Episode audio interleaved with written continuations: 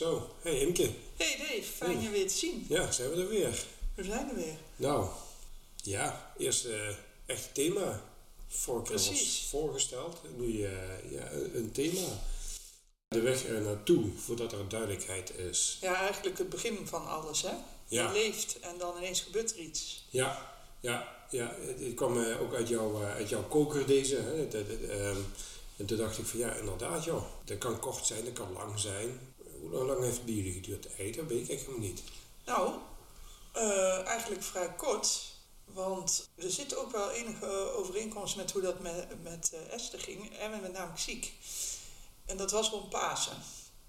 En die voelde zich niet lekker en die kreeg koorts. Dus die dacht, oh, ik heb een griepje of zo, moet ik uitzieken. Ja, Eigenlijk is hij daar niet goed van opgeknapt. En een week later eh, is die week volgens mij nog wel gaan werken. Want toen kwam hij uit zijn werk op dinsdag. En we hadden een vriend over de vloer gehad met Pasen. En zij hadden samen een whisky gedronken. En hij, dat was op eh, zondag. En op dinsdag was hij onderweg naar huis vanuit zijn werk. En toen belde hij mij.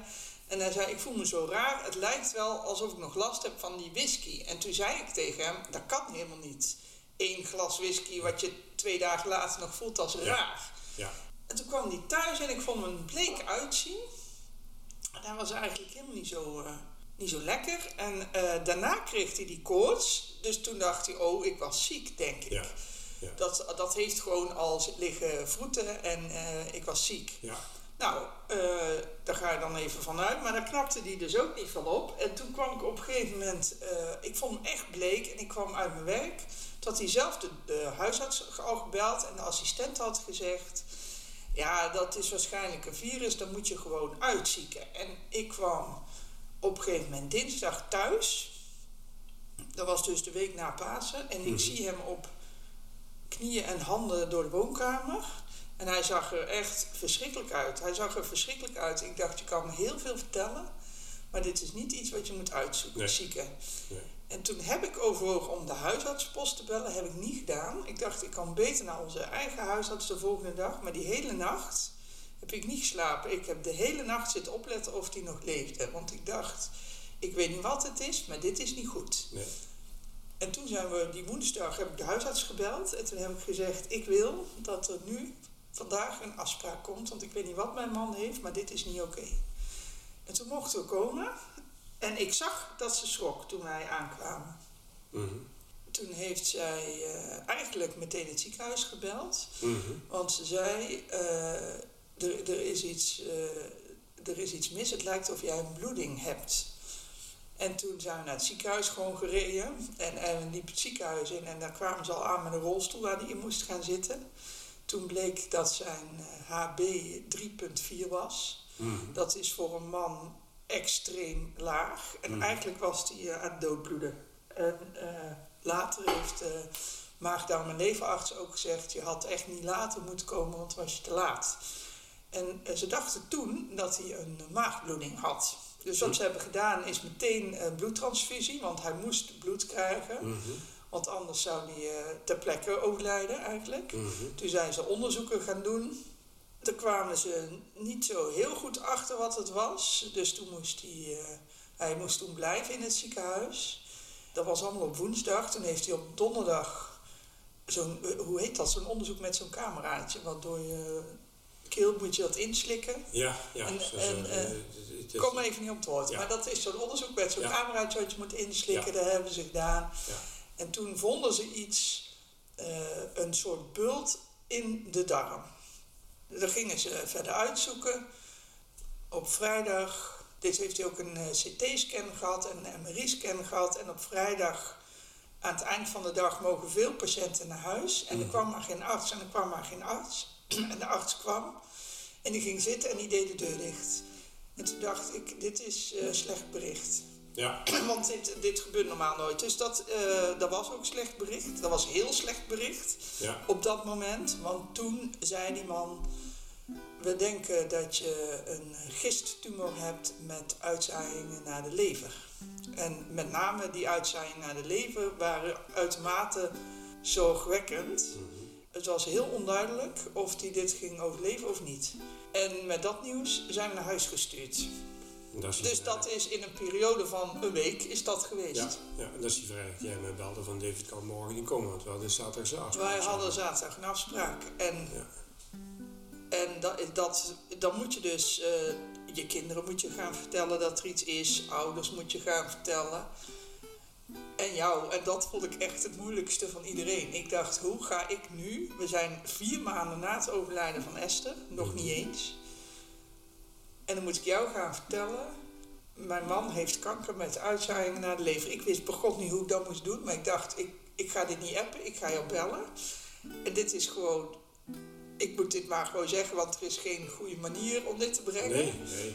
Eh, maar ik vond wel dat jij, juist jij het moest weten. Maar dat, daar heb ik wel buikpijn van gehad. Dat ik dacht, oh mijn god, Ja, nu moet ik dit tegen Dave gaan zeggen. Hoe, dit is zo niet normaal dat dit nu gebeurt. Maar op, als antwoord op jouw vraag, hoe lang heeft het geduurd voordat dat duidelijk was? Nou, er heeft ongeveer een week tussen gezeten. Vanaf het moment dat ik dacht, er is iets aan de hand, totdat eh, deze eerste diagnose, daar moet ik wel bij zeggen, deze eerste diagnose, wat bij far eh, slecht nieuws was, eh, er kwam. ja. Nou, dat is bijzonder, hè, dat je dan eigenlijk, ja, zoiets zit al toch een hele tijd in je lichaam. Dat is niet met een week, zeg maar. Nee. Maar er komt op een gegeven moment op een punt dat, dat je zegt van, en nu is het wel een probleem. En, en dan, dan in één keer breekt zoiets ook uit. Hè, dat, Ja, dat heeft er waarschijnlijk al jaren gezeten. ja, En dat vind ik zo. Ja, dat is bij Esther natuurlijk niet anders, maar dat is zo raar dat zoiets in je lijf kan boekeren ja, zonder dat je daar iets van merkt. ja, En eh, die tumor die is, eh, die heeft bloedingen veroorzaakt of een wond veroorzaakt. Dat is nog steeds niet duidelijk, maar dat is de directe aanleiding dat Erwin intern is gaan bloeden. En daardoor kwam er ook bloed bij zijn ontlasting op een gegeven moment. Hij was echt letterlijk aan het doodbloeden. ja, ja. Ja, dat zat bij ons wel, wel, wel, wel anders in elkaar. Ik, ik heb nu een jaar de tijd gehad om daarover terug te denken. Eigenlijk van de, weet je, zijn er nou niet eerder tekenen geweest? En niet, niet dat dat de, de, de uitkomst anders maakt. Of dat je daar, daar heb ik eerst ook niet meer terug. Maar ik heb al vaak zo terug te denken van, was er niet toch een enig moment dat je dacht van, hé, hey, ehm, dat is waar. Ja, achteraf gezien tot wel tot de conclusie gekomen dat er wel tekenen waren, maar die waren die hadden de uitkomst niet anders gemaakt of hadden ook niet eh, gezorgd dat Esther dan eh, langer had geleefd waarschijnlijk. Nee, en het was natuurlijk. Esther werd ziek in de coronatijd. En over corona was toen nog niet zoveel bekend. Ja, nee, maar er waren al vooraf al wat tekenen. Hè? Dus, voor, eh, daarvoor al. Ja, ja. Esther, die, die, die, eh, ik heb in oktober heb ik nog een, een, een, een foto gemaakt. Hè. En in november werd, ik kreeg, ja, kreeg Esther voor het eerst pijn ergens, dat het vreemd was. In oktober heb ik nog een foto gemaakt hier achter in de tuin, was nog mooi weer toen. En eh, als ik nu die foto kijk, denk ik, meisje, wat was je spits in je gezicht? Hè? De, ehm, goed, ze was net in eigen praktijk begonnen, er was ook al wat stress. Dus, dus, ehm, maar het valt me op dat ze daar heel spits in het gezicht is. En dan valt je achteraf op. Dat ziet nu pas. Hè? Ja. Want die komt daar heel geleidelijk in. Dus dat, dat, dat merk je niet zo snel. Omdat er zijn reuma had, had ze ook door die corona een aantal afspraken met de reumatoloog. Die waren niet doorgegaan of die, die, die, termijn was verruimd, laten we zo zeggen. In oktober ehm, heeft ze ook toen een, een afspraak gehad. Dan kwam ze terug en zei ze, het is heel raar, zegt ze, de ontstekingswaarde in mijn bloed die is verhoogd. Terwijl de reuma niet actief is. Normaal is het zo, als de reuma actief is, dan is ook de ontstekingswaarde verhoogd. Hè, dat, dat zit met elkaar verbonden. Maar een tumor veroorzaakt ook een verhoogde ontstekingswaarde. En dan zou ze eigenlijk, eh, die reumatoloog die, die vond dat ook apart. Die zei van, nou weet je, ik wil jou eh, eh, in ieder geval niet meer achter een al te lange tijd zien. Maar goed, we zaten met die corona natuurlijk. En ehm, ik, ik wil in begin december weer een afspraak hebben. Maar toen had Esther een, een coronabesmetting opgelopen. En ze dacht dat ze daar nog steeds die, die, die eh, ja, klachten van had. Maar Ja. dat waren dus de klachten van de tumor en niet van de corona. Dat zijn wel tekenen geweest, hè? maar ja, goed, op dat moment weet je, ja, je hebt wat foto's ingezwaaid, ja, ja, nou, ja, ja, weet je, het is, eh, misschien is het wel die reuma, je weet het allemaal niet. Dus, dus de arts was wel eh, bezorgd. En ik weet ook niet, eh, Esther was wel ze terugkwam daar onverschillig over. Eh, dus ik weet niet wat hij toen nog meer tegen haar heeft gezegd wat dat kan betekenen. Hè. Dus, dus, uh, daar kom ik ook nooit achter, dat maakt me niet uit. Maar, maar of ze dat dan, zeg maar, of hij dat heeft benoemd van, ja, weet je, ja, dat, kan ook een, een, een tumor zijn. Ik weet niet of dat in de gesprek is voorgekomen. En eigenlijk wil ik het ook niet weten. Hè, in die zin. Ja, je hebt er niks aan. Ik heb er niks meer nee. aan achteraf. Hè, dus, dus uh, brengt Esther niet terug. Maar ja, Esther kreeg dan die coronabesmetting en, en uh, drie dagen daarna uh, had ze dan zo'n zo pijn op de borst of onder de longen eigenlijk, leek het wel.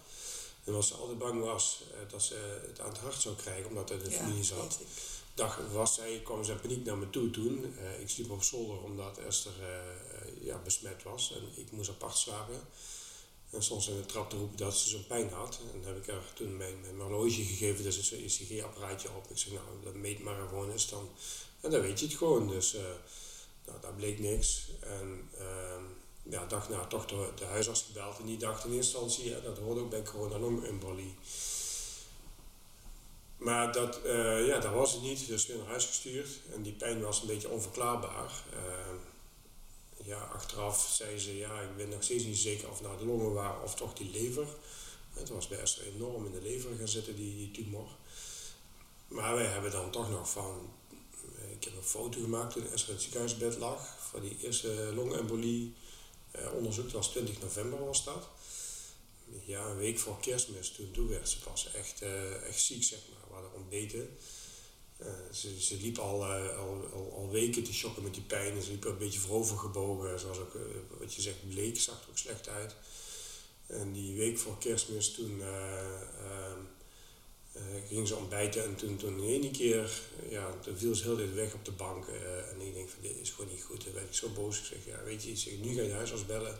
En de reuma die brak erg door. Ik zeg, of de reumatoloog. Ik zeg, maar dit is gewoon niet meer goed. Ik zeg, je zou een afspraak hebben met de reumatoloog. Die, die, die corona is lang voorbij, zeg, en um, er is gewoon iets niet goed. Nou, die heeft inderdaad de huisarts gebeld en uh, eerste kerstdag kregen wij, uh, of kerstavond eigenlijk kregen we telefoon. Een onbekend nummer. Nou, ik wou niet opnemen. Ik zeg, nou, het is kerstavond, we zijn nu lekker met die kinderen het eten. Ehm, we, we, nemen gewoon niet op. ze bellen wel terug als het belangrijk is. En toen zei we, Esther toen naar bed gingen van ja, het ziekenhuis als die bellen, die, ja, die bellen ook altijd met een, een, een, een ja, zonnummermelding. Misschien was het wel het ziekenhuis, zeg nou, waarom moet die jou bellen? Maar ze had de, twee dagen ervoor het bloed laten prikken. Ja, en de eerste kerstdag, eh, dan, dan heb je toch zo'n gevoel van, uh, er is iets. Ja. En we hadden hier in drie van die handies. Die had ik alle drie beneden gezet. Eentje in de voorkamer, eentje in de achterkamer, eentje in de keuken. Dat als weer die telefoon zou gaan, dat ik dan eens kon opnemen. Dat is heel raar. Maar je hebt dan dat gevoel van, er is iets. En inderdaad, uh, ik had het pan op vuur gezet en uh, dan ging de telefoon. En uh, ja, Esther pakte op en die ze direct naar het ziekenhuis. Want er was nou, iets niet goed met haar bloedwaardes. Dus zei die arts ook, hij zegt, nou het is absoluut niet goed. Hij zei niet wat er was, hij zei wel dat het niet goed was. Hij zei, hij zei ook van, nou ik wil, uh, het, zijn nu iets beter. Dus ja, blijkbaar zit er wel iets vooruitgang in. Maar ik wil wel die maandag, uh, of nou ja, kerst was geloof ik zondag, maandag. Ik wil wel dat je dinsdag gelijk je huisarts belt. Nou, dat heeft ze dinsdags gedaan. En woensdags hebben we dan die onderzoeken in het ziekenhuis. Uh, ja, en toen kwam inderdaad ook bij Esther uit dat het uh, in ieder geval niet goed was. Ze zagen iets in de lever zitten op dat moment. Oudjaarsdag, dit was woensdag, donderdag was de dag voor Oudjaarsdag. Toen belde de huisarts dat, uh, dat ze een enorme tumormarker hadden gevonden in bloed. Dus dat er sprake moest zijn van een kwaadaardige tumor. En vrijdag, Oudjaarsdag, zaten we morgens om 8 uur bij de scanafdeling en werd Esther gescand. En toen belde de internist die avond nog op en zei van nou, moet overdragen. Het gaat naar de leverarts toe, want uh, ja, we hebben iets gezien in de lever en dat ziet er niet goed uit. Ja, dat was bij ons eigenlijk zo het begin. Ja. Ja, wat een begin van een nieuw jaar. Ja, dat was, uh, dat was heel bizar. Ja. En dan, ja, uh, wens je dan iemand gelukkig nieuwjaar, hè? Ja. Ja. Je hebt geen idee wat je te wachten staat. Nee, maar je hebt ook, weet je, het is zo'n zo gewoonte om, om dat te zeggen, want het is een gewoonte. Maar wat zeg je eigenlijk? Maar was je, toen wist je nog niet dat ze zou overlijden, of wel? Had je dat wel, dat gevoel? Nou, Esther ging wel elke dag heel hard achteruit. Mhm. Ja, ik was wel enorm bezorgd. Maar je weet dan nog niet ja, je, gaat het een beetje googelen natuurlijk. Ja, leesgevaren heb ik ook Ja, ja, ja. En, je leest van alles. En we hebben toen donderdags hebben wij, hadden we een afspraak met de leverarts. En die zei van nou, dit is wat we zien. En we kregen dan een plaatje te zien van de scan. En hij zei, uh, ja, hij we weten nog steeds niet wat het is, maar morgen hebben we een overleg met het hele team. En ehm, ja, dan gaan we plan de campagne maken en dan, dan hoor je van ons. En die vrijdagmiddag heeft hij gebeld met Esther en dan zei hij van, is je man thuis? Nee, zei Esther, die is op het werk. Dan wil ik jullie maandag spreken. Nou, weet je, ze belde me gelijk op.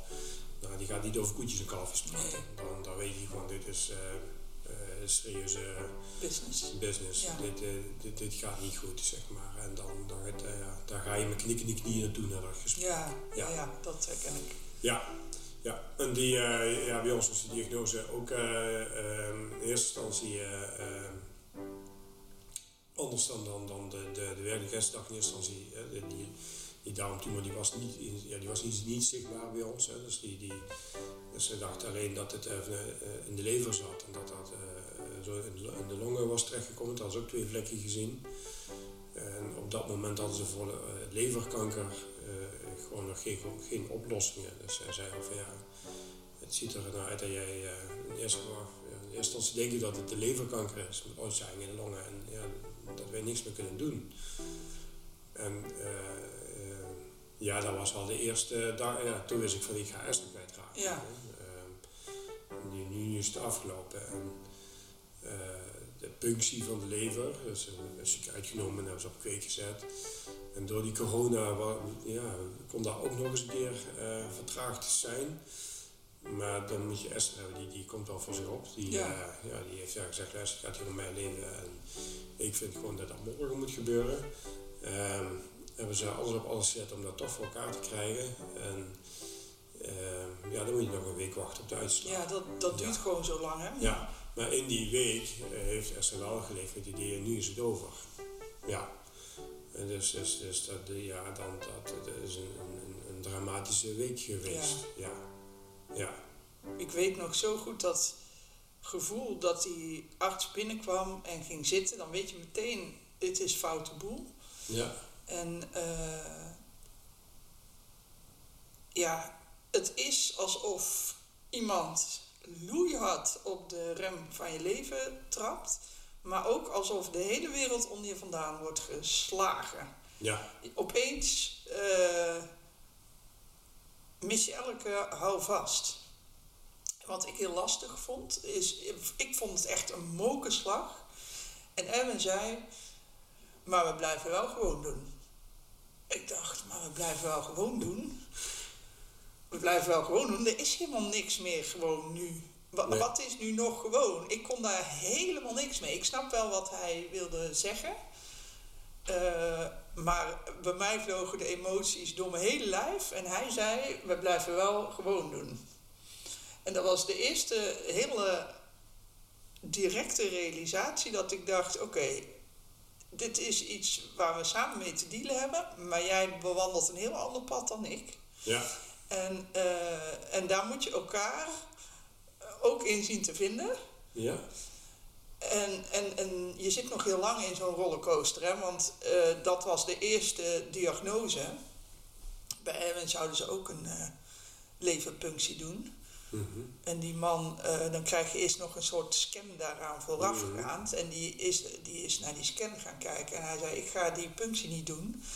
Want volgens mij zit daar geen tumor, maar is dat een, een kluwe bloedvaten. Dat hebben heel veel mensen op hun leven. Maar als ik daarin ga prikken, dan krijg je gigantische bloeding. En dat vind ik eigenlijk met jouw lage HB niet verantwoord.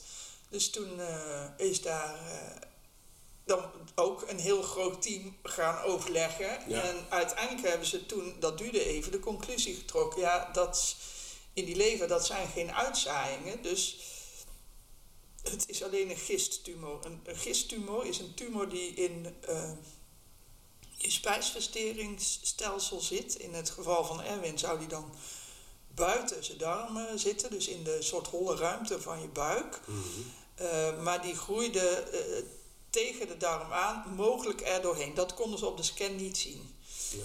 Dus ehm, die punctie in die lever, die gingen ze dan niet doen. Dus dan zouden ze gaan kijken, wat kunnen we met die eh, tumor? Want dat die niet kon blijven zitten, was ook al duidelijk. Want dan is het risico op bloedingen heel groot. Dus dan, eh, ja, uiteindelijk na een aantal... eh, nog extra onderzoeken en een aantal gesprekken onder die artsen. Eh, en, en ja, daar vond ik ook wat van, want je zit dus opeens in het oncologisch centrum van het ziekenhuis. Daar hangt ook zo'n bordje, oncologisch centrum. Dat je denkt, oké, ik zit op het oncologisch centrum, precies daar waar ik eigenlijk helemaal niet wil zitten. En daar, eh, daar, eh, al die mensen daar, die hebben dus iets Ja, kankergerelateerds. ja.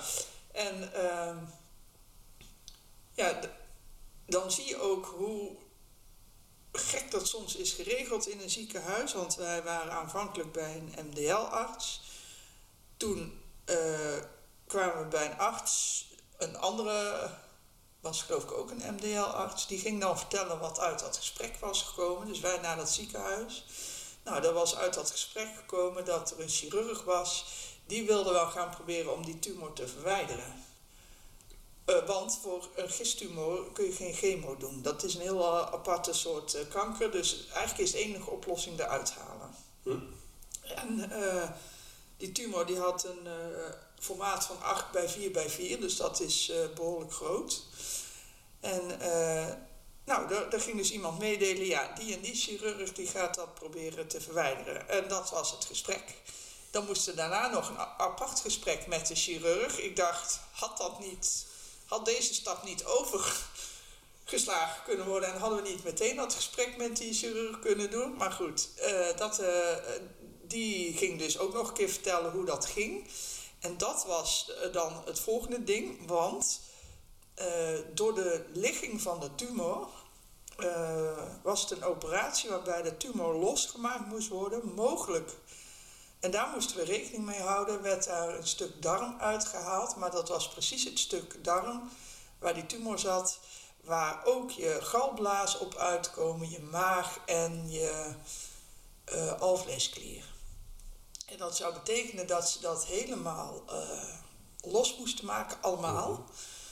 Dan het aangetaste stuk weghalen en dan eh, het allemaal weer aan elkaar maken. Mhm. Dat zou een operatie zijn die een hele dag duurde. Mhm.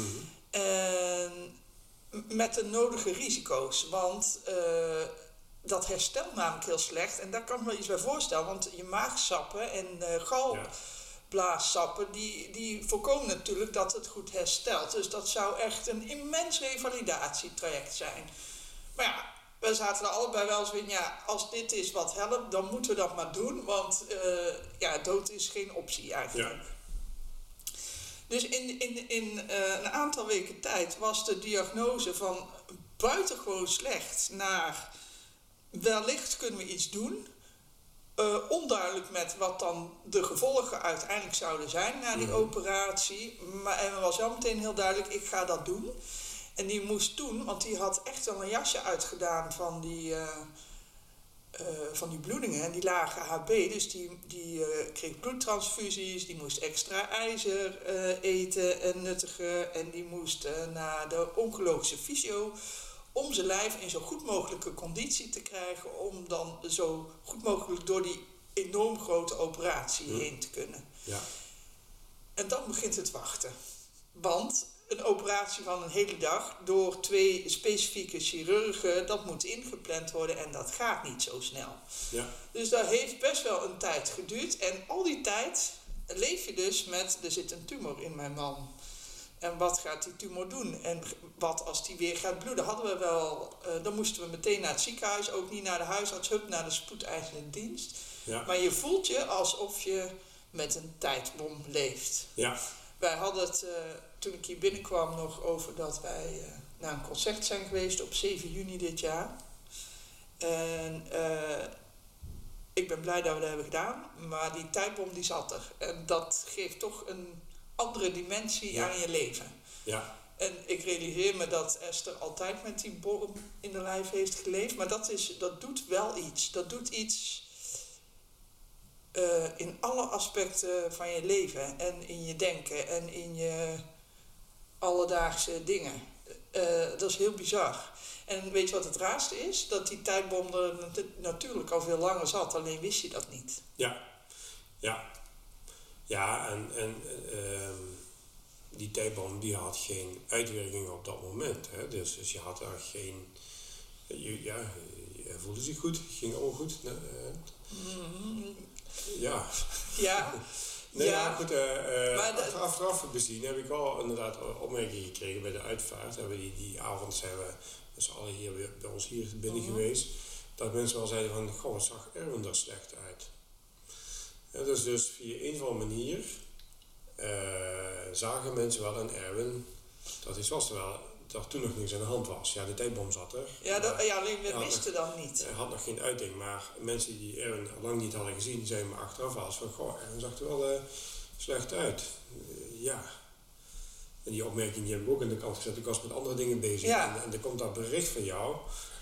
En eh, ik weet nog heel goed, mijn, mijn zwager die was hier, want ik had toen hier in Nijmegen concertkaartjes gekocht en ik zou met hem daar naartoe gaan. Ik zou dat eigenlijk met Esther hebben gedaan destijds, maar ja, goed, dat ging niet. Zij zei, nou, je hebt die kaartjes, we gaan samen. En, jij belde en hij is huisarts en hij zei, ja, nu snap ik dat hij er zo slecht uitzag. Ja. Ja, Maar dat is als je iemand iedere dag ziet, dat is hetzelfde als wat Ja. jij met Esther hebt, dan zie Ja. je dat blijkbaar ook niet. En Nee. ja, je, je kanker was nooit in me opgekomen, omdat eh, ja, je voelt je wel eens niet lekker. Je gaat er gewoon niet van uit. Je Nee. gaat er gewoon niet van uit Nee, dat dat nee. gebeurt. En niet dat dat ons bespaard zou blijven, maar meer, ja, geen idee. Dat, eh, dat is gewoon niet het eerste waar je aan denkt. nee, En eh, er vallen wel.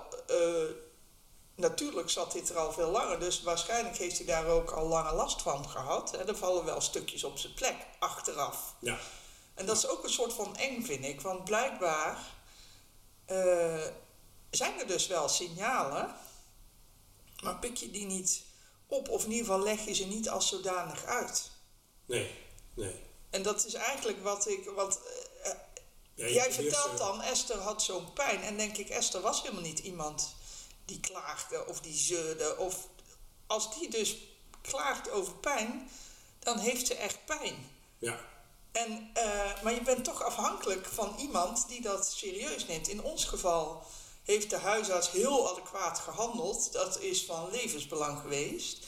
Ja. Het is echt belangrijk dat iemand jou serieus neemt met je klacht. Want anders Ja, ja, ja, weet je, het, het, het lastige is natuurlijk, hè, we, ehm, eh, kijk, we, hadden, we zaten in coronatijd. Ja. Eh, corona veroorzaakte ook heel veel vreemde klachten, eh, veroorzaakte ook darmklachten, die had Esther ook. Eh, als, je, als je las wat, wat coronaklachten waren en je las dan dat verhaal en je keek naar Esther, dan dacht je van, Ja, past kan, bij elkaar. kan bij elkaar passen. Ja. Hè? Dus, dus in, in die zin En die reuma natuurlijk, die... En dan had je opspelen. reuma die er nog eens een keer tussendoor zat. Hè? Dus, dus, en ook onduidelijk, ja, wat deed dan corona met reuma? Hè? Bedoel, dat, eh, dat weet ook niemand precies. Kijk, we waren daar altijd heel voorzichtig voor, want auto-immuunziektes hoorde je en, en, en corona, ja, dat was lastig. Dus eh, daar moet je mee uitkijken. Dus er was extreem voorzichtig. En dan ehm, achteraf gezien ook, ehm, ik heb daar met mijn schoonouders nog eens over gehad. Weet je, ze, ze had dan eh, de griepprik gehaald en eh, de booster. Dat was eh, een van de eerste boosters toen. Nou, omdat ze reuma had, stond ze ook vooraan in het rijden om die booster te krijgen. En toen zei ze van, ik herstel zo slecht van die booster. En eh het beetje wat jij ook zegt met die whiskyglas, hè, die bent het net vertellen. En denk van, hé, hey, dat klinkt bekend. Want Esther had dan eh, de booster gehad en dan die eh griepprik en dat, daar hield ze maar last van. En zei, eh mijn schoonmoeder zei toen ook van, ja, maar had je ook niet moeten doen samen? Nou, dat- misschien mag dat wel niet. En, en, en, en, en dan ehm, was het even weg en zei ze, en dan kwam het toch weer terug. Toch weer last van die boosterprik. Maar Ja, dat was Dat natuurlijk... was natuurlijk die booster nee, dat niet. was de boosterprik Maar ja, er zijn dus hè. voor de hand liggendere verklaringen voor Ja. je klachten. En Ja. dan is dat, dan denk je, ja, dat is dat. Ja. Ja. En eh, als je, als je kijkt, hè, ik bedoel, ja, wat, wat, wat, wat, eh, wat ik heb ervaren, je zit dan bij, bij die arts, dat dat verhaal daar komt.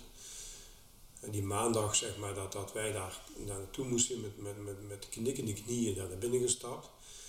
En dan, ja, ehm, ik heb het gevoel, zeg maar, dat er, er, er zat een deef. En, en in dat deefje zat een klein deefje die daarnaar keek, zeg maar.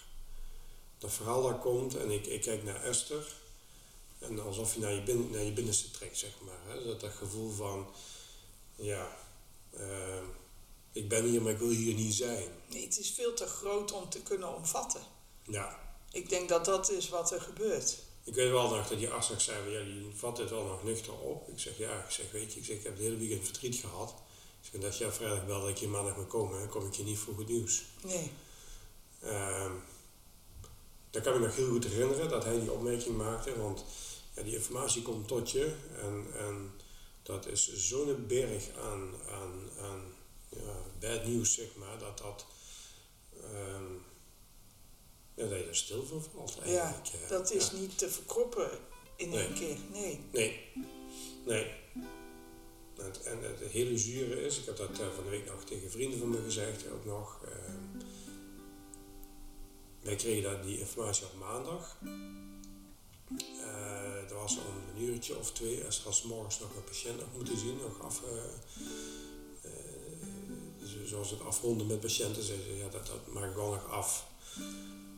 En ehm, om half drie moesten wij manoeuvreschool afhalen en dat is dicht bij het ziekenhuis. Dus eh, wij stappen in de auto en eh, we waren daar wat vroeger dan, want ja, was maar ja. vijf seconden rijden of eh, vijf minuutjes, sorry.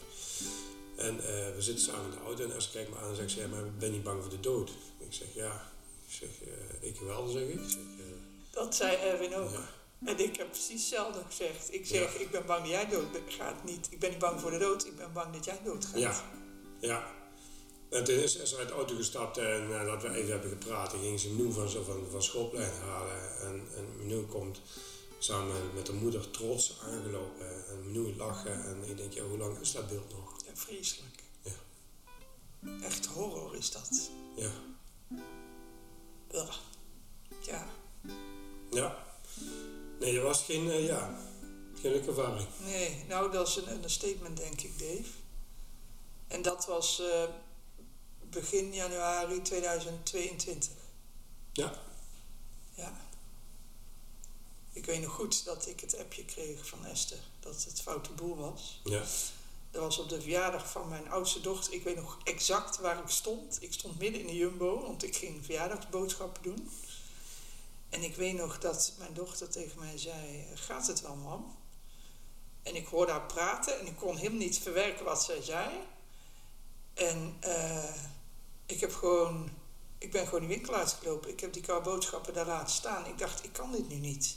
Ik moet naar huis. Ik moet naar huis. Ik kan dit echt niet. En toen ben ik naar huis gegaan.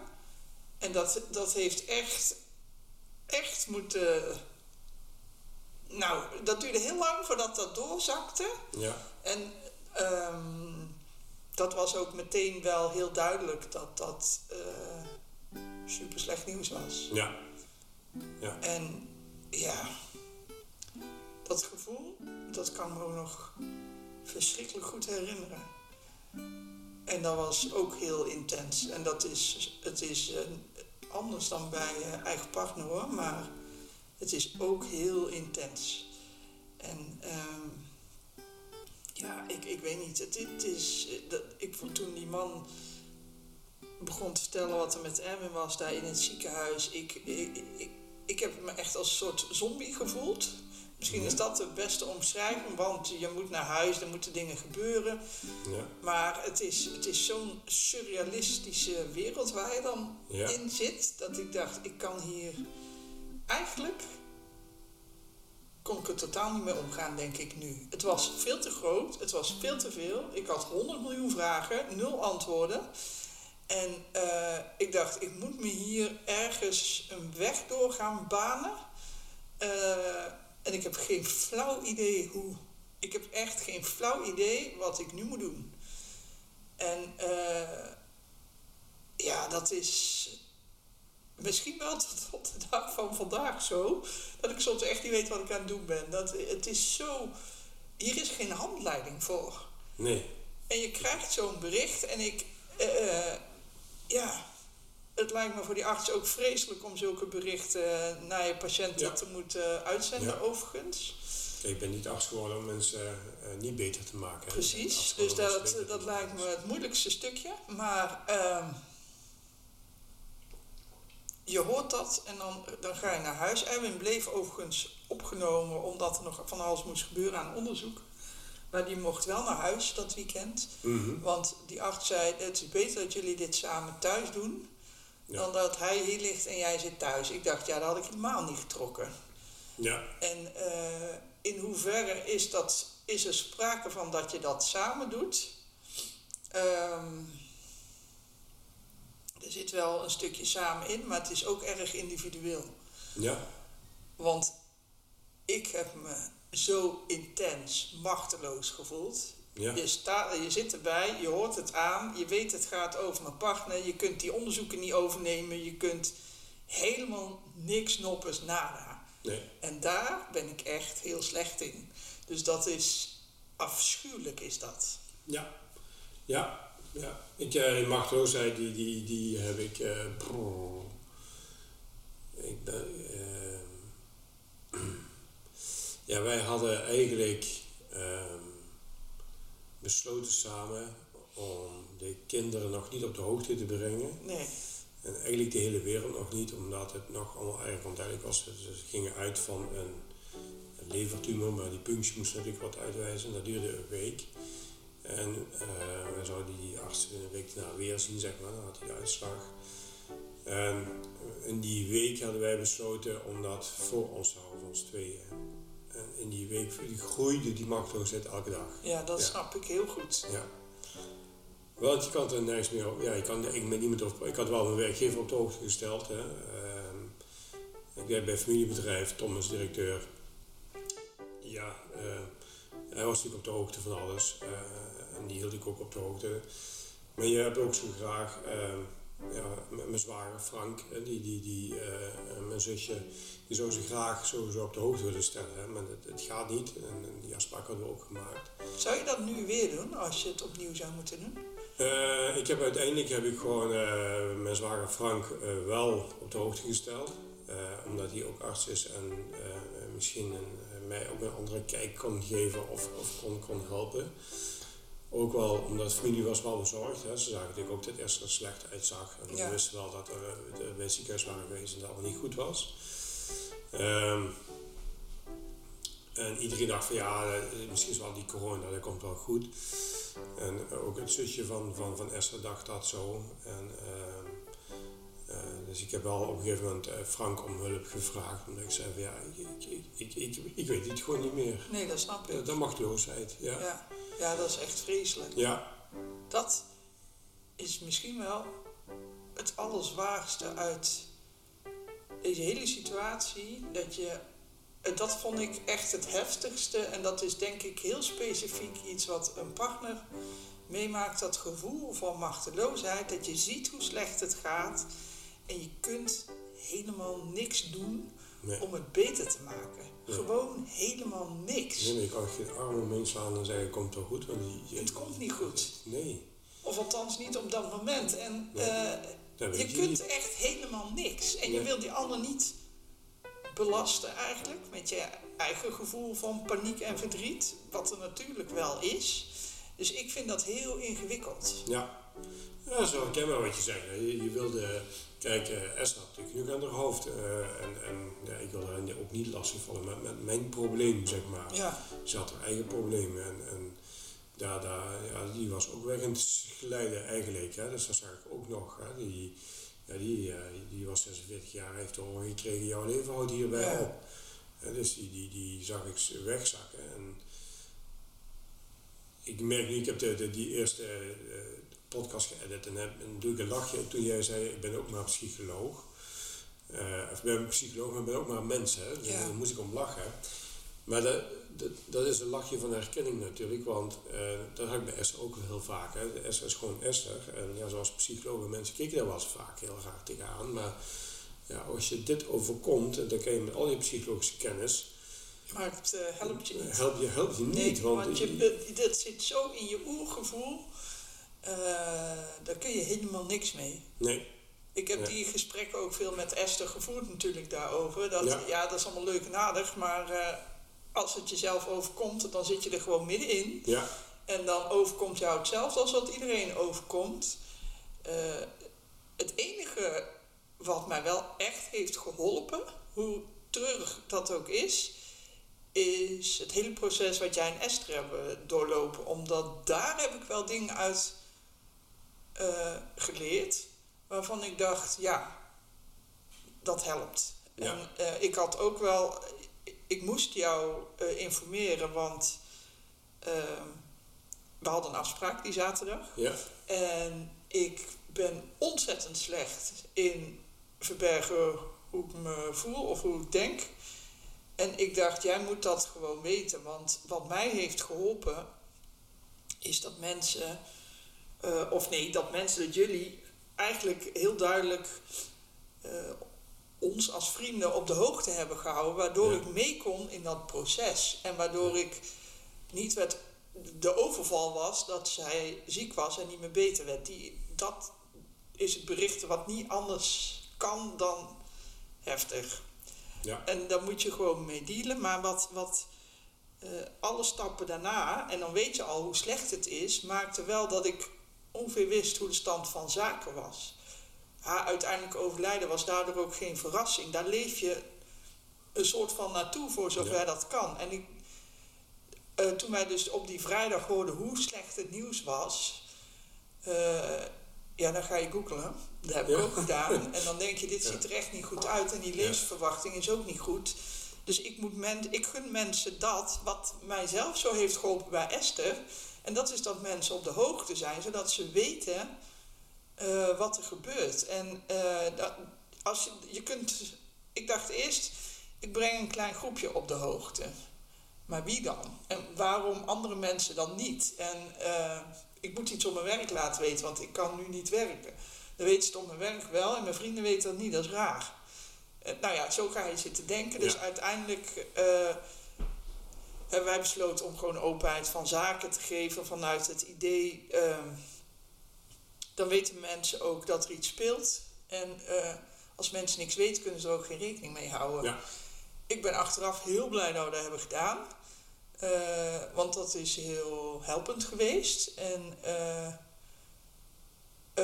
ik heb ook heel veel mensen teruggehoord die dat ook heel fijn vonden. En eigenlijk hetzelfde teruggaven als wat ik had bij Esther. Toen zij het eerste appje heeft ze zelf gestuurd. En vrijwel daarna heb jij het overgenomen. Ja. Niet dat ik nooit meer met heb geappt hoor, maar ik bedoel de, de updates. Ja, dat, dat is iets, dat kwam wel meteen in mijn hoofd. Het was natuurlijk ook nog zo vers. Dat ik dacht, ja, maar dat is wat, dat is wat helpt. Dat, dat gun ik de mensen om me heen ook. Maar verder heb je geen idee. Dus ik heb geput uit jouw ervaring. En eh, de dingen waarvan ik dacht, dat helpt mij.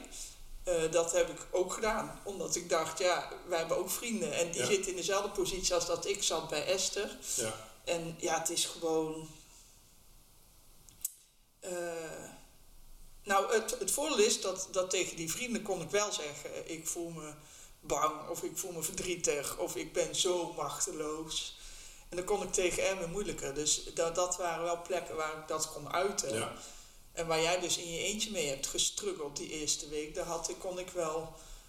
eh, ik kon dat wel bij mensen kwijt. En dat is wel helpend geweest. Maar het neemt niet weg dat dat gevoel blijft. Het gevoel van machteloosheid blijft. ja. En eerlijk, daar heb ik nog steeds. Ja, bij mij, ja, ja. Ja, bij mij, ehm, eh, ik ben in die eerste week heb ik ook, eh, ben ik zelf naar de huisarts gegaan, naar mijn eigen huisarts. Eh was ook de huisarts van Esther overigens, dus hij was op de hoogte van de situatie. Ehm, en ehm, ja, weet je, ehm, toen kwam ik ook wel een beetje achter eh, na een gesprek met hem. Die machteloosheid, dat is eigenlijk angst om je partner kwijt te raken. De angst dat je daar alleen voor komt staan. De angst hoe verder. En die angsten die maken dat je je machteloos voelt. Ja, Eh, maar uh, buiten het feit dat, dat je je partner ziet lijden en, en pijn hebben en, en, daar ook over nadenken en hoe moet uh, hij of zij die informatie wel niet verwerken. dat, dat, er speelt natuurlijk van alles op dat moment. Ja. Maar voor mij was toch wel de, de grootste angst, angst dat ik dan eerst zou kwijtraken en dan. En, en hoe, ver, hoe, hoe verder dan. Um, en de huisarts die, uh, die zei tegen mij, Dave zei die, uh, hoe het ook loopt, je gaat Esther kwijtraken. Ja. En dat was uh, even heel duidelijk. Ehm, met een, ehm, toen ik daar wegging, kreeg ik voor mezelf een nieuw doel. En dat is eigenlijk, zolang ik Esther nog heb, en, en dat, ja, dat, dat kan in, in maanden zijn, dat, dat kan in jaren zijn maar dan hebben ze het in, in, in, in het ziekenhuis nog steeds over het aantal maanden, 48 maanden of zo.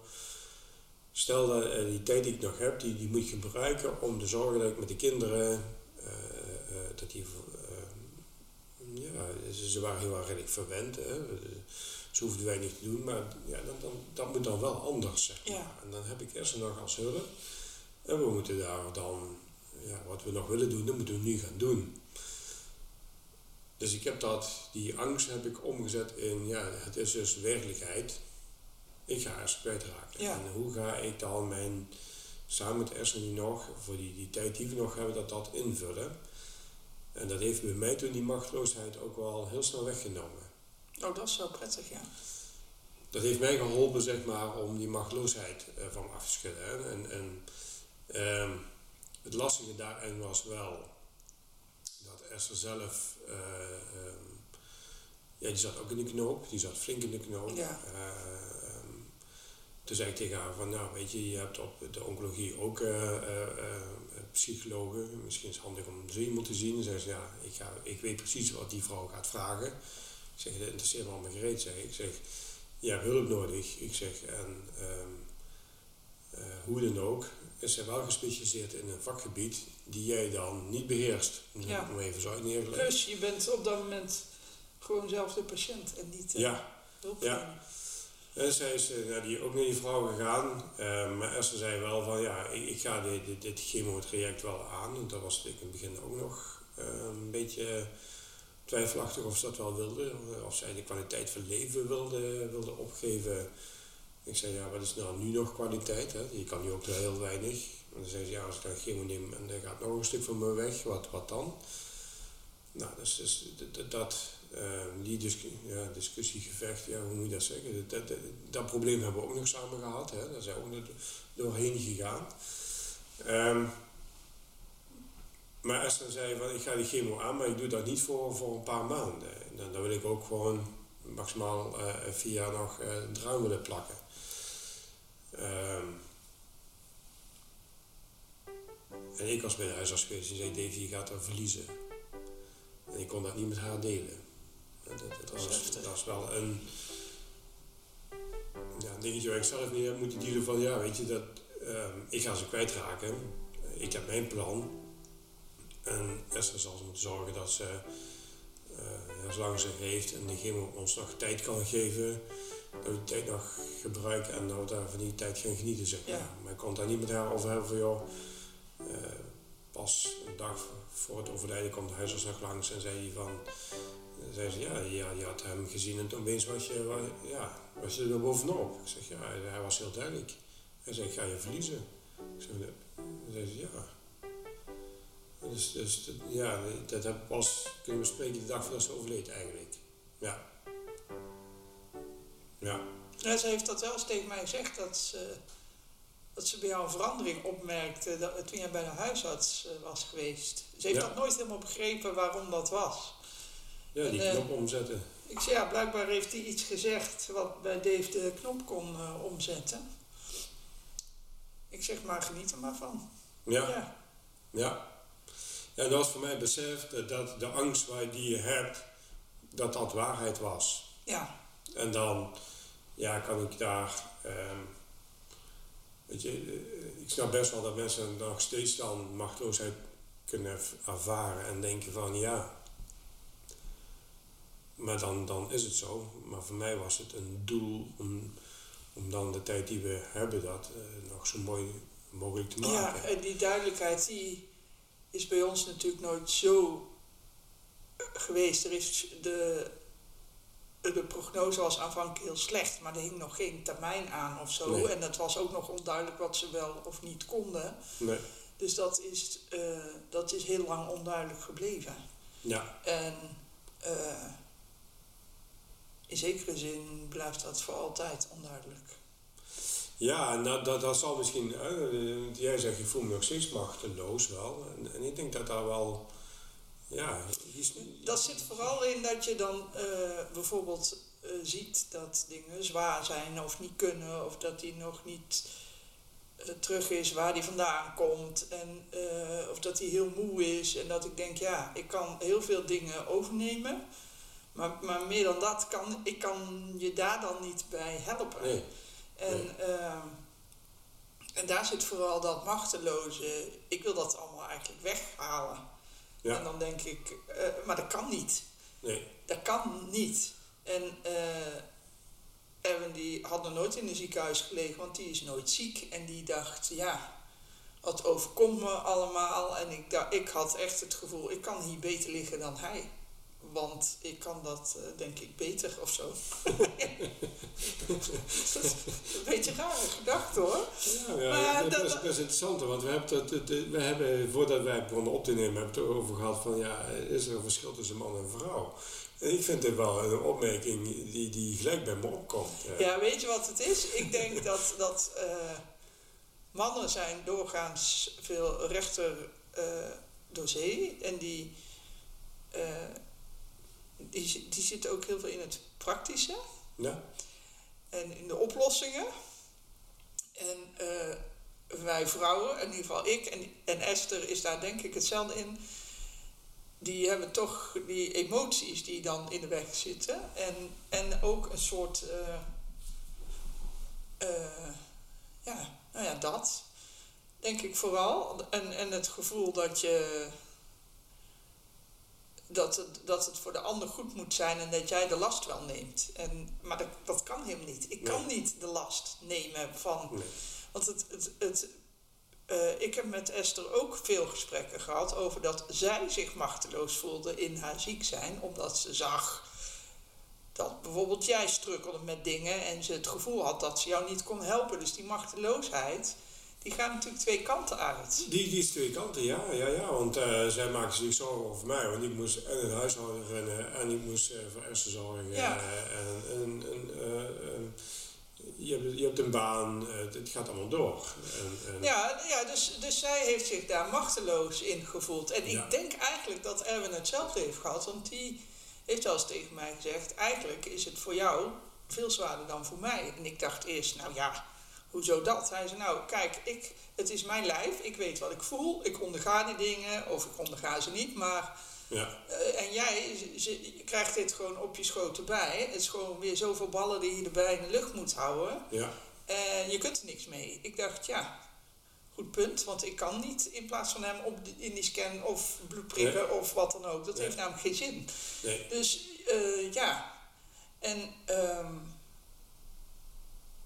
nou ja, da, da, eh, dat is wel eh, zijn opmerking als we gaan, we gaan wel, we blijven wel gewoon doen. Ik vind dat wel een mannenopmerking, als ik dat zo mag zeggen. Want hij had zoiets, ja, we, we, het hoeft allemaal niet, we moeten niet ineens heel bijzonder of spastisch gaan doen. We gaan Nee. wel gewoon door met leven, zolang als dat gewoon kan.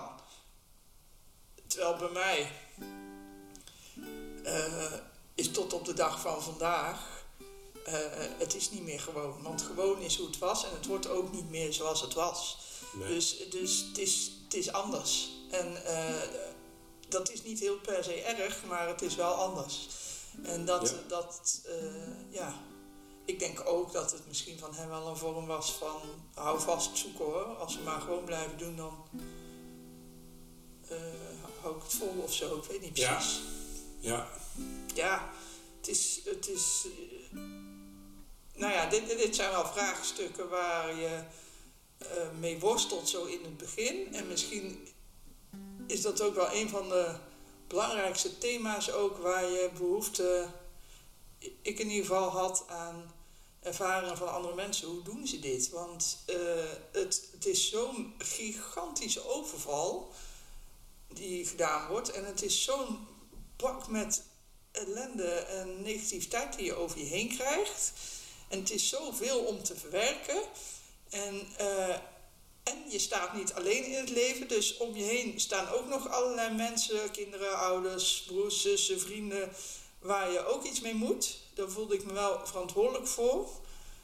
Ook dat ik dacht, ja, die moet ik, daar moet ik ook allemaal opletten of zo op de een of andere manier, wat helemaal niet lukt. Want je hebt eigenlijk je handen vol aan jezelf. Ja, uh, daar komt dan de praktische tussen man en vrouw weer, daar hebben we minder last van. Ja, ja.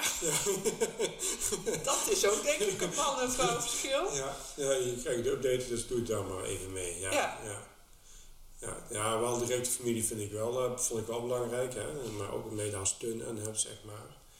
En de rest van de wereld, uh, ja, daar had ik ook gewoon geen notie van. Ik was zo bezig met, met het overleven, zeg maar, ja. maar als ik zo. En, en ook bezig om uh, te zorgen dat die kinderen wel uh, ook voorbereid waren en, en alles. Dat, dat, nee, dat, daar heb ik nooit bij stilgestaan. Nee. Nee, grappig hè? Ja. Dat dat zo'n verschil is. Ja. Dus misschien ook deels gewoon aard van beest, maar ik sluit ook niet uit dat dat ook wel een verschil is tussen man en vrouw. ja. Ja. Ja. En ik heb het mezelf daar onmogelijk mee gemaakt. Want je kan namelijk nooit voor alles en iedereen beschikbaar zijn. Dat gaat gewoon niet. En dat weet ik ook wel, maar het is toch een drang die ik dan voel. Ja. En uh, eigenlijk heb je je handen vol aan jezelf. Want jij verontschuldigde je dat, dat je mij geen aandacht had gegeven. En ik zei, man, maak je je niet druk om, je hebt zelf uh, genoeg aan je hoofd. Ja, maar dat, dat is wel iets dat ik dacht dat, dat komt ook vooral uit het stuk dat ik denk, ja, uh, ik, ik had wel veel contact met Esther, maar jij was er ook. En nu pas achteraf denk ik, ja, daar heb ik echt uh, te weinig me bewust van geweest. Dat, dat voor die partner, uh, dat die ook gewoon in een godsonmogelijke positie zit. Ja. ja. Nee, ja, maar uh, dat was natuurlijk de, de tijdensziek, maar ook daarna, toen, toen, toen Erwin de uitslag had en ja, Esther was nog niet meer, uh, wilde jij ook nog, ook nog voor mij klaarstaan. Ja, natuurlijk. En, en dat vond je al zo lastig. Dan zeg ik van mensen, je, je hebt genoeg in je hoofd. Ja, dat klopt. maar dat... ik had die ervaring, ik wist dat. Ik denk van ja, weet je, als je, je hebt maar één ding in je hoofd, dat is Erwin. En voor de rest van de wereld, uh, laat dat maar lekker zo. ja. ja, zo zit ik dus niet in elkaar, blijkbaar. Ja, ja. Ja, en dat ja. geen, geen seconde dat ik daaraan twijfelde dat jij uh, uh, niet bezig was van, uh, ja, ik moet voor Erwin zorgen, punt. Nee, en het, het is natuurlijk zo, we kennen elkaar al lang dan vandaag, dus dat scheelt. Maar het is, ja, dat, dat zijn wel struggles die je dan hebt, of die ik in ieder geval had, en die het niet makkelijker maken. Ja. En het is ook misschien wel een stukje, misschien is het ook wel een klein stukje vermijding. Want als je maar veel met anderen bezig bent, hoef je minder met jezelf bezig te zijn. Uh, ja. Dat is, uh, in, om in psychologische termen te spreken, de copingstijl. Dus hoe ga je om met de moeilijke dingen uh, die iedereen in zijn leven meemaakt. Ja. En de manier waarop je daarmee omgaat is copingstijl. Nou, jij bent absoluut van aanpakken. En jij maakt een plan en je zoekt naar de oplossingen. Ja. En ik ga blijkbaar zorgen. En uh, allebei is dat een manier, denk ik, om, om, met, uh, om ermee te dealen. Want het is namelijk zo, en ik weet niet hoe jij dat hebt ervaren, maar als partner voel je wel een extra noodzaak om overeind te blijven. Had jij dat niet? Het, het is onacceptabel dat je om zou vallen, dat kan niet. Nee, nee. Uh, nog steeds, weet je. Uh, net nog over gehad. Hè. Ik, ik, rij, ik reed motor en die staat nu in de garage en daar staat hij. Ja. Want ik eh, vind nog steeds zo dat uh, als ik nu omval, uh, ja, dan hebben de kinderen toch wel een, een serieuze uitdaging. Ja. En nu is pas tien, dus, dus dat gaat ook gewoon niet. Nee. En je realiseert je ook, hun leven gaat door. Hè? Bodie zat in een. begon met het nieuws kreeg je niet. Um, maar halverwege dat jaar wel uh, in, in, zijn examenjaar. Ja, precies. Dus, dus het draait eigenlijk allemaal door. De, het, het, leven van hun draait door. heb ik zelf ook nog de ervaring dat mijn moeder ook jong was overleden. En uh, ik mijn vader van de bank heb moeten trekken omdat hij ingestort was. Ja, dat dus, wilde jij dus, per se niet, hè? Dus een, uh, dat, dat heeft mij doen realiseren van ja, uh, ik was toen gelukkig twintig en mijn kinderen zijn dan helft. Maar mijn leven ging sneller door dan dat van mijn vader en ook anders. Dus ik heb me wel altijd gerealiseerd van ja, hun leven gaat door. En ja. Ehm, dat deed je normaal samen. En dat, is, dat, dat, rust op het moment dat, dat die uitslag komt, rust dat op jouw schouders om te zorgen dat hun leven doorgaat. Ja. En dat was bij ons wel lastig, want dat, uh, ja, ze werkte drie dagen en deed dan vooral veel, uh, die, die, die, die beheerde de agenda. En dan, ja, dan moet je dat allemaal even overnemen. Zeg ja. En dat, uh, ja, ehm, nou, ik heb een baan die, die, die, die, die, die, die, die daar ook al uit bestaat, om zo te zeggen. Dus, dus in principe eh, pak je dat, dat al vrij snel op. Dat doe je anders. Dan komt die weer. Hè. Ehm, dat, dat vond Esther in het begin wel lastig. Na de rand toen de chemo's aan leken te slaan en het ging beter met Esther. Toen zei ze wel, dat zijn wel dingen die jij doet, die ik al jaren zo doe. En ja, die wel, wel nu anders ook wel handig zou zijn. Hè. Ja. Dus, dus, dus, het heeft ook wel gebracht dat wij daar samen wel um, ja, toch op een andere manier mee zijn gaan omgaan. En ook Esther weer heeft laten zien in, in, in de laatste maanden die ze geeft van hey, het kan ook anders. Het kan ook anders, maar ja, hij komt er wel. Dat lukt wel, weet je. Ja, dat daar lukt had ze ook al vertrouwen in. Ja, daar had ze ook nooit aan getwijfeld. Het begint natuurlijk wel. Um, koppelingstijl, hè, wat je zegt, ik ben van uh, er is een probleem, we zoeken oplossingen en we gaan door. Um, dat, um, dat is ook lastig, want uh, wat ik net al straks al zei, Esther die was ziek, was, was heel slecht aan toe en was bang als ze dan een chemo ging nemen dat ze dan nog slechter zou ja. worden. Dat, ja, wat is dan kwaliteit van leven? En die is dan uh, voor haar idee, dan zat ze lachlim op de bank met chemo en nog slechter voelen dan ze, dan ze al voelde, dat, daar had ze geen zin in. Nee. En uh, dat, dat ruist zo tegen mijn principe in van hey, we hebben een probleem, oh, er is een oplossing, dat heet chemo en, dan, dan, dan kunnen we door. Dat dat uh, ook een reden was, dat, dat er ook een, uh, dat ik ook een dag ben mee geweest naar die psycholoog. Hè. En dan kom ik weer in, in, in, dat, in dat rare straatje terecht. Ik heb dat in de eerste ook gezegd van, Esther is patiënt, die psycholoog mag Esther zien, ik mag als partner mee. En er wordt mij wat uitgelegd, maar ik ben niet patiënt en ik ben ook niet een. Ja, je voelt je. Ze heeft heel netjes opgelost, overigens, de psychologen in het ziekenhuis. Maar ja, je krijgt altijd te horen, ja, maar het gaat dan wel om Esther. En Esther is de patiënt en je mag daar mee. En, en uh, er is geen samenzorg in deze. Terwijl ik dat vaak, zo vaak gemist heb. Dat dat wij zitten gelukkig samen bij, zaten wij bij dezelfde huisarts. Hè, dus, dus dan, dan is hij op de hoogte, kan hij ons ook samen zien, hè, bij wijze van spreken, als dat nodig was. Maar ja, voor de rest van de zorg geldt gewoon, Esther is patiënt en jij, jij niet. En uh, uh, heb jij een probleem, moet jij met je eigen probleem je eigen zorg zoeken. Terwijl je als gezin zijnde, als, als, als, als duo, gewoon samen eigenlijk zorg nodig hebt. Precies. En dat heb ik heel erg gemist. Ja, dat, dat herken ik. Dat heb ik zo erg gemist. En, en uh, tot op de dag van vandaag, uh, uh, ik heb nu een rouwtherapeut waar ik onlangs eens bij geweest. Dat wordt ook niet vergoed. Nou, het gaat mij niet om de centen, maar ik snap best dat er mensen zijn die dat niet, kunnen, betalen. Ja, precies. Maar ik, moet, ik kan daar dus keuze Stel ik het niet kan betalen, ik ga er niet heen, dan moet ik me zo erg in de vernieling helpen dat ik dan juist heel veel zorg nodig heb. Terwijl dit me heeft geholpen om te zorgen dat ik niet in de vernieling kom. Ja, terwijl het is ook niet zo dat je daar iedere week zit, hè? Nee, nee, weet je. Uh, ik heb daar niet dagelijks afspraken. Als ik me slecht voel, dan bel ik haar op en zeg van, ja, weet je, het gaat even niet. Nou, we hebben daar heel veel hulpmiddelen bij gekregen. Ik heb er ook heel veel baat bij. En dat doe ik om te zorgen dat ik niet in de vernieling kom. Precies. Maar dat wordt niet vergoed. En dat is, ja, ja, dat is krom. Dat vind ik dan in Nederland weer zo krom. Ja, ja, mee eens. Eigenlijk zou dat... Het kan zoveel problemen voorkomen. Ja. En dat zeg ik ook even als psycholoog. Als jij een rouwproces goed doormaakt... dan kan je dat heel veel ellende op langere termijn schelen. En zo'n rouwtherapeut kan daar zo helpend bij Ja. zijn. Ja, absoluut. Eh, ja, ik vind dat compleet krom dat dat niet wordt betaald. Ik, eh, achteraf gezien, als mijn vader dat had gehad, denk ik dat hij eh, daar ook wel beter was uitgekomen. Die had maar zes weken de tijd. Mijn moeder had longkanker. En, en ja, dus, dus dat er iets aan de hand was en het overlijden was, was zes weken, zeg maar. Dus, dus ehm,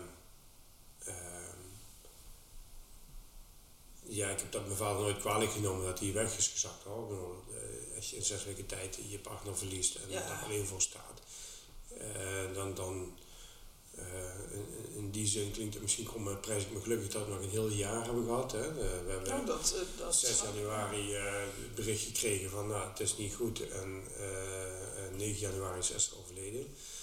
Maar we hebben wel in dat jaar heel veel kunnen afronden en, en nog heel veel kunnen bespreken. Nog. Ja, precies. En En dat- ook nog mooie momenten gehad, hè?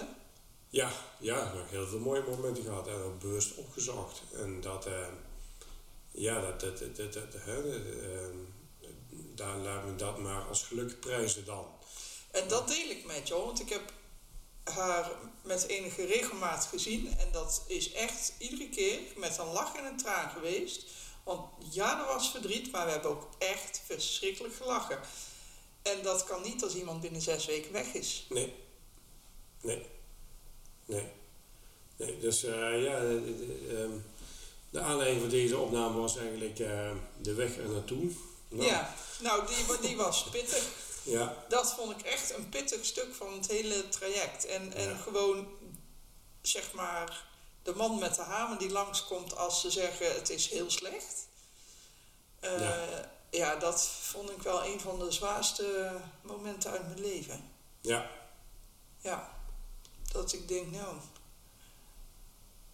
En gelukkig, eh, toch wel gelukkig, was dat een vrij kort traject in ons geval. Bij, bij jullie was dat langer.